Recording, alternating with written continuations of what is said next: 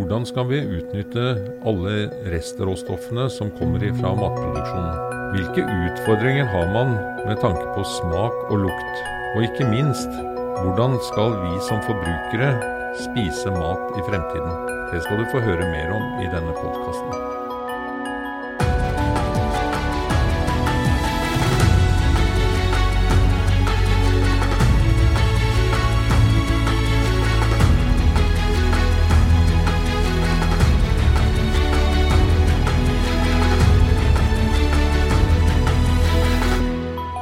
Hei og velkommen til denne podkastsendingen Matnyttig forskning fra Nofima. Mitt navn er Øyvind Fylling Jensen, og jeg er administrerende direktør. I dag skal vi snakke om smak, lukt og restråstoff. Og med meg i sendingen har jeg Mari Øvrum Gaarder, som er forsker i sensorikk, og kommentator Joakim Lund fra Aftenposten. Velkommen. Takk. Takk, takk. Nylig la regjeringen frem sin nye matstrategi, som har fokus på bærekraftig, trygg og sunn mat. Og der er gjennomgangstonen bærekraft, sunn, trygg og holdbar mat, og at maten skal være tilgjengelig, og at den skal smake godt. Men når vi ser på dette bærekraftsbegrepet og ser på hvordan maten produseres, så er et av områdene matavfall og matsvinn. Er det en ressurs vi kan utnytte, Mari? Absolutt. Jeg tror vi skal være mye mer bevisst i hele produksjonsprosessen og forløpet. At vi kan eh, bruke mye mer av det restråstoffet eh, som i dag ikke går til humant konsum eller til menneskemat. Da. Men eh, sånn ut ifra et forbrukerperspektiv, du skriver jo mye om forbrukere, Joakim. Er dette noe folk bare sånn generelt sier at ja, kom igjen, eller er det andre ting som eh, ligger bakenfor og bestemmer hva folk skal spise? Ja, øh, jeg tror øh, det er på en måte litt sånn i tiden å utnytte øh, råvarene ordentlig. og sånn, Men jeg er litt usikker på hvor bevisste folk er på det når de er ute i butikken og handler. Uh, vi ser at folk er liksom veldig opptatt av uh, pris og tilgjengelighet, og at ting skal være lettvint og, og, smake godt. Så jeg tror kanskje ikke at det at det er god utnyttelse av restråstoff, eller at det er brukt i den uh, maten som selges, er liksom noe som Det er ikke et salgsargument, det tror jeg ikke. Men, uh, men uh, det er jo Jeg tror ikke folk har noe imot å spise det heller. Ikke sant? Man se på pølser f.eks. Der er det jo mye som man eh, godt kan kalle god utnyttelse av eh, restråstoff. Og folk elsker jo pølser. Fordi at det er billig og tilgjengelig og det smaker godt. Men, men hvor ligger utfordringene da hvis eh, forbrukerne ikke har eh, noen motforestillinger? Er det sånn at bare de ikke vet det, så spiser de det? Ja, eh, jeg tror egentlig det. Eller jeg tenker at eh, restråstoff kan liksom brukes kanskje særlig i blandingsprodukter og sånn, i bearbeidet mat. Men uh, du, du, vil jo ikke kunne sette liksom, restråstoff eh, på etiketten på en pakke med et eller annet og selge det i butikken. Det er, folk har ikke det forhold til det. Folk spiser ikke ressursutnyttelse, og de spiser ikke ernæring. de spiser mat. Så, så det, det, at det er god utnyttelse av restråstoff, tror jeg ikke er liksom et argument i seg selv. Men Mari, er det noen andre utfordringer knyttet til dette å ta i bruk disse ressursene? Altså Hvis vi ser på bare i fiskerisektoren, så tar vi opp eh, rundt altså, samlet sett 3,6 eh, millioner tonn fisk og skalldyr i året. Og det er nesten 1 million tonn restråstoff. Riktignok så viser undersøkelser fra FAO at eh, en stadig større andel går til humant konsum. Men er det noen utfordringer for å få enda høyere andeler til humant konsum? Ja, eh, En del eh, utfordringer finnes jo, fordi at skal vi bruke absolutt alt. Eh, så i hvert fall fra marin sektor så vet vi at det er en del smaksutfordringer. Eh, knytta til bruk av restråstoff. Eh, så det viktigste er jo at kvaliteten gjennom hele prosessen er, er god, sånn at vi ivaretar alt sammen, også restråstoffet. Eh, for å komme liksom, i hvert fall ett skritt nærmere. Men vi vet jo det at hvis du tar for deg makrell for eksempel, da, og restråstoff fra makrell. Eh, vi vet jo alle at en makrell ikke har veldig lang eh, lagringstid og lukter og smaker kanskje ikke spesielt godt. Det, det kan jo harskne f.eks. Vi kjenner jo til harskmat, tran, fiskeslo. Det er bittert f.eks. Det er kanskje ikke smaks- og lukteegenskaper du ønsker å spise.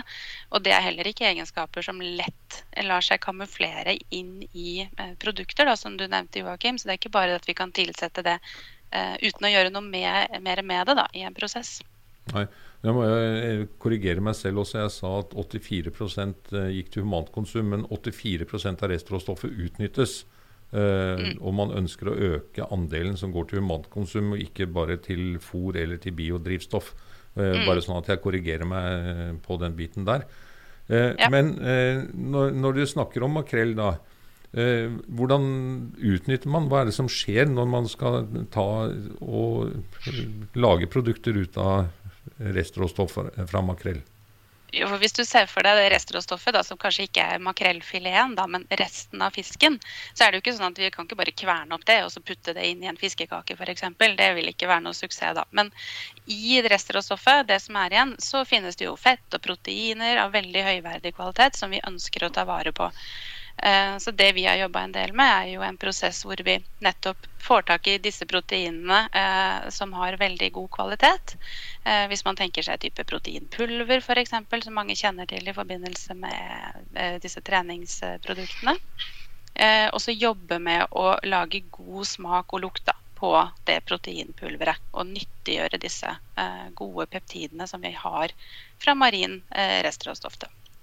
Peptider er små deler av Eh, proteiner? Ja, da har man liksom klippet opp eh, de lange proteinene i små biter, og så kan man bruke det i maten. Eh, men der er det en del utfordringer knytta til bitterhet f.eks. Og bitre produkter er vi jo heller ikke så glad i.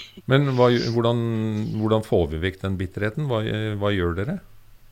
Eh, sånn på fagspråket da, så heter det enzymatisk hydrolyse. Eh, men det handler egentlig bare om å ta dette produktet og tilsette eh, enzymer, altså små deler som klipper opp proteinene i mindre biter, sånn at vi får de små bitene tilgjengelig for oss. Og så har vi jobba mye med å optimalisere den prosessen.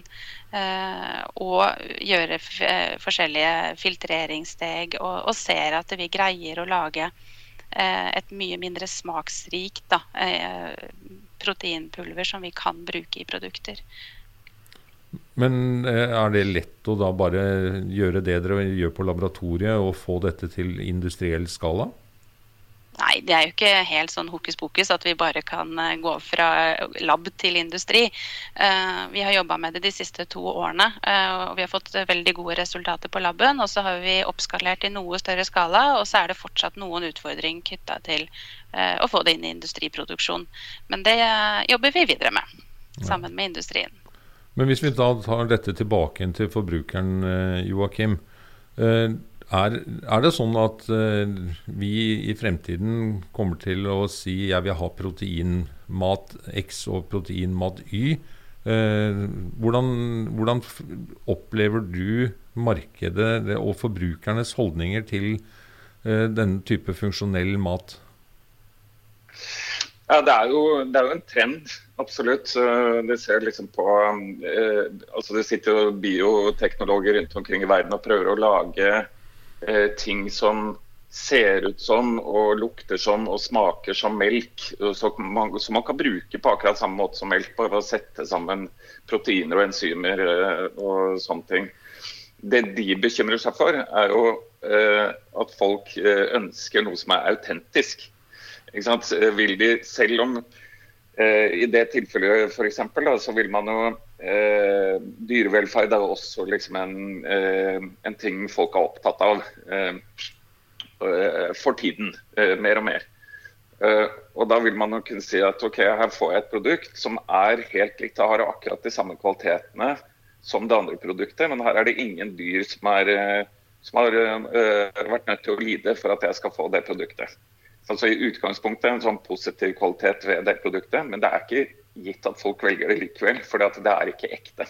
Uh, og Det er jo en litt sånn uh, interessant ting, syns jeg. Men det med å utnytte utnytte råvarene ordentlig, er liksom mange forskjellige ting. Jeg bare kom på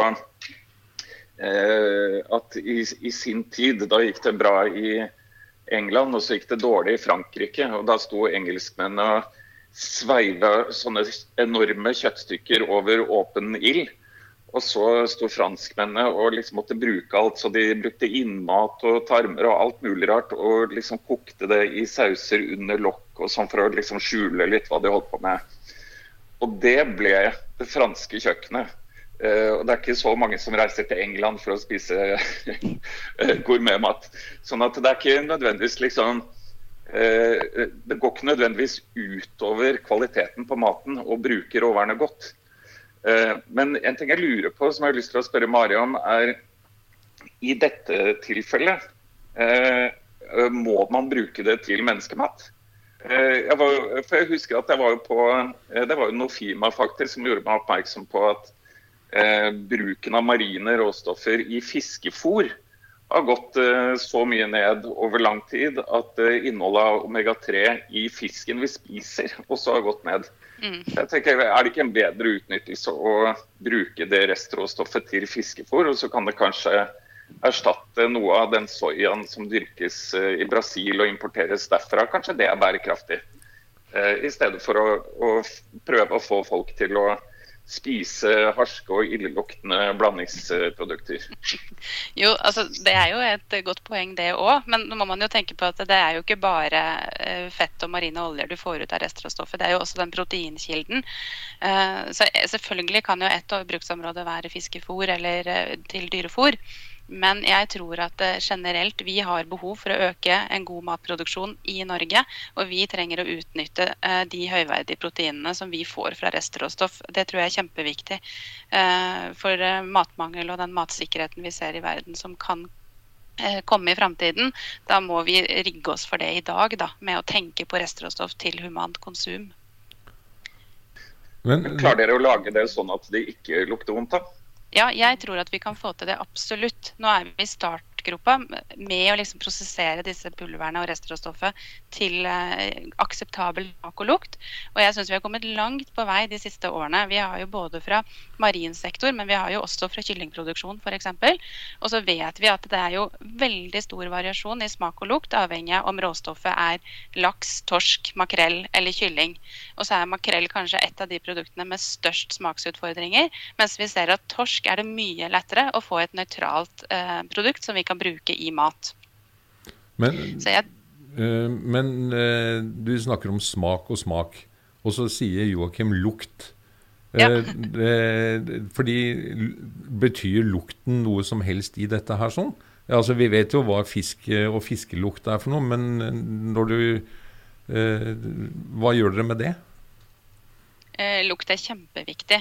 og vi har jo sett Vi har jo forsøkt så vidt å implementere noen av disse produktene i reelle eh, matprodukter.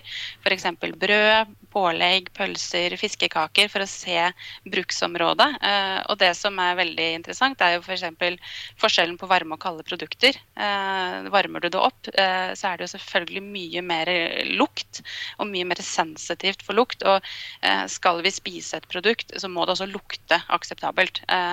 Man tenker kanskje at lukt ikke har så stor betydning, men det har kjempestor betydning både for hva vi spiser, men også generelt hvordan vi oppfører oss eh, i samfunnet. Og eh, hvordan vi oppdager farer. Altså Eksempel røykeutvikling hjemme. da. Altså Hadde du ikke lukta, så hadde du ikke eh, oppdaga fare. Altså, lukt er kjempeviktig, og vi bruker det i mange sammenhenger. Eh, så det må også være akseptabelt.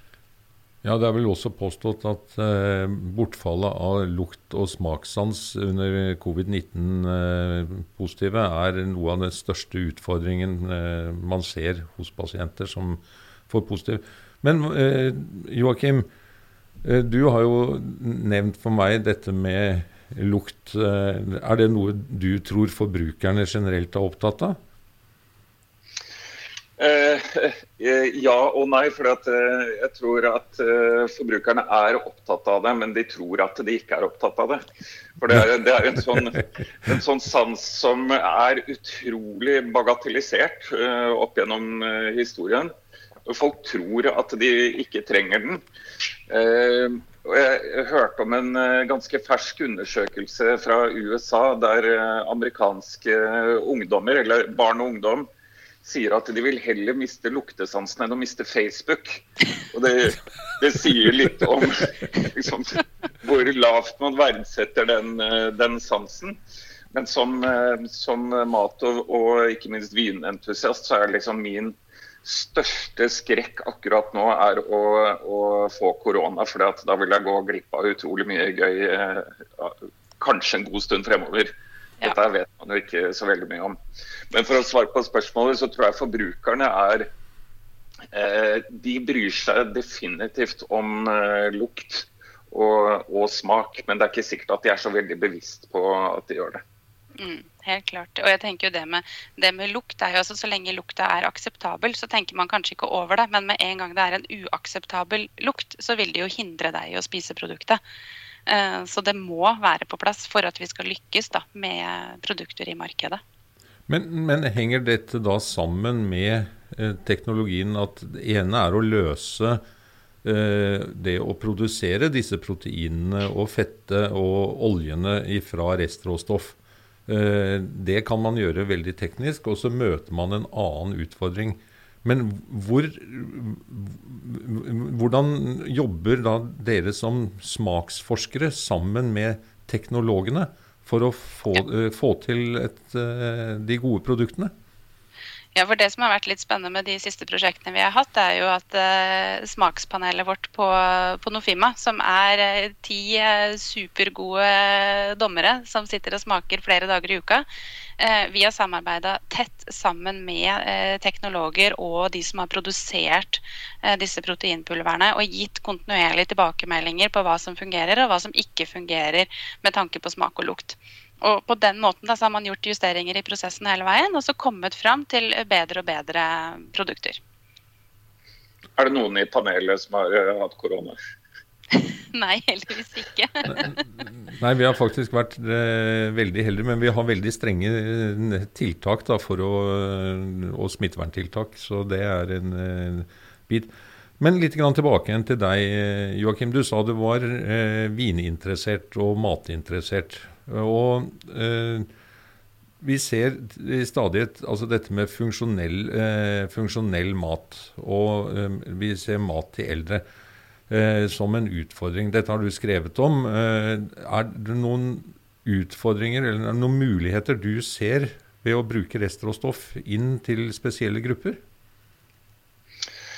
Ja, eh, De restråstoffene kan jo, som Mari var inne på, så de kan jo ha utrolig gode eh, ernæringsegenskaper. Eh, ikke sant? Og Underernæring og feilernæring er jo et kjempestort problem i de institusjonene som tar vare på våre gamle, f.eks. Men en ting har vært, Jeg vet ikke hvor godt det passer inn her, men en ting som jeg har vært litt opptatt av når det gjelder sykehjem og den type institusjoner, er at de ikke har eh, kjøkken der lenger.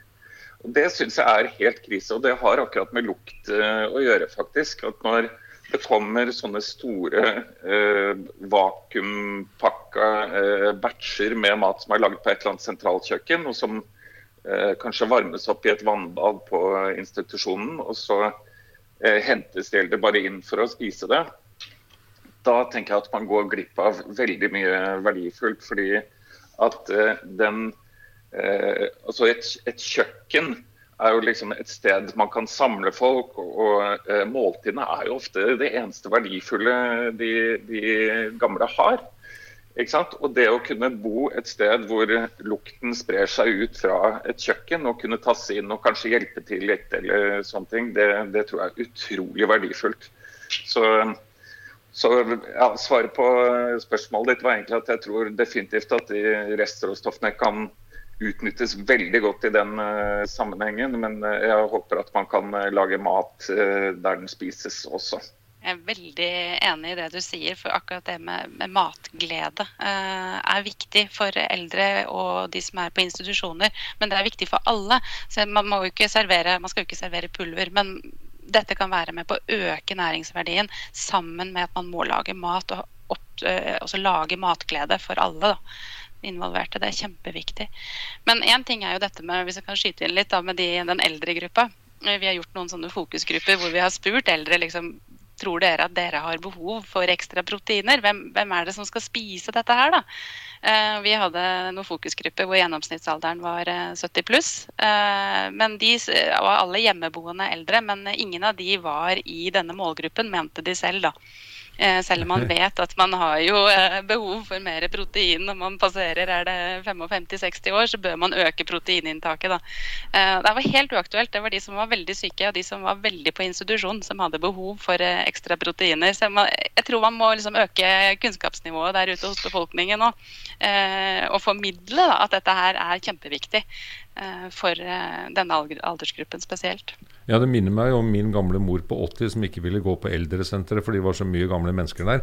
Ja. Eh, så, så, er det jo sånn at det offentlige i dette spiller vel da en stor rolle. Eh, er det noe dere møter som journalister og kommentatorer, eh, Joakim? Det offentliges rolle? Uh, ja, det er, det er, jo egentlig det vi ser mest på hele tiden. Uh, altså hvordan det offentlige forvalter eh, våre felles eh, ressurser. Så, så, det er klart. Og dette med, dette med, eh, mat og ernæring både i skole og i eldreomsorg og, og sånne ting er, er kanskje et underdekka tema i mediene, vil jeg si. Vi, å, vi, har prøvd å jobbe litt med det, men jeg ser at det er jo ikke veldig stor interesse for det rundt omkring i medielandskapet. Men da kan jo vi med denne podkasten her sånn bidra til litt uh, folkeopplysning. Vi snakker om restråstoff, at det er store mengder, og vi må ta vare på dette for å drive en mer bærekraftig matproduksjon. Så vi er en del av et større puslespill, og jeg tror samlet sett ved at vi både har forskere og formidlere, så greier vi å få en oppmerksomhet rundt denne problemstillingen. Tusen takk for at dere hørte på denne podkasten fra Nofima, Matnyttig forskning.